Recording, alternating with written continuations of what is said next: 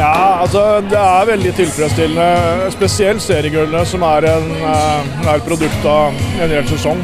Eh, Og selv om det er klart en stund, så er jeg veldig motivert av eh, disse nasjonale titlene også, så ja, det er gøy. Og du har jo hatt litt av en trøblete sesong der hvor både korona og sykdom og skader og sånn. Hvordan vil du oppsummere serien?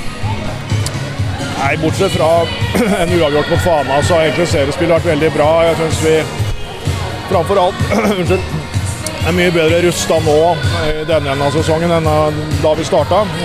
Vi spiller mye tryggere, vi er eh, en god del bedre. Så vi har hatt bra utvikling og hatt god kontroll på serien hele veien. Det viktigste er jo egentlig at vi har blitt bedre.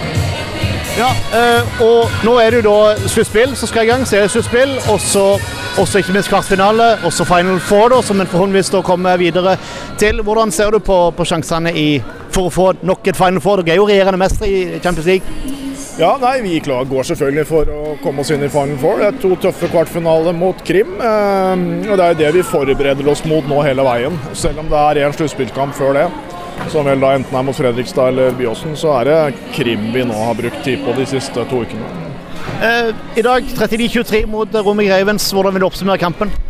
Nei, Den første gangen er veldig bra, spesielt med ball. Eh, Andre gangen så blir vi eh, litt ukonsentrerte. Eh, Men alt i alt så har vi bra kontroll på kampen og får øvd på en del av de tingene vi skal. Anna Deblic ble kåra til banens beste. Hun og Nora Mørk var jo skikkelig på plass i dag. Ja, virkelig. Og så er det gøy å se på gleden til Anna Deblic når ting går bra. Det er, eh, er en humørspreder, og det, det er viktig. Og det er klart, eh, Nora er vel nest sist på de fem første, og, og noen til, så de har et godt samarbeid. Eh, Hvor mye ferie vil du gi dem nå før eh, forberedelsene begynner mot eh, sluttspillet og Champions League? Nå skal de få ferie helt i morgen klokka fem.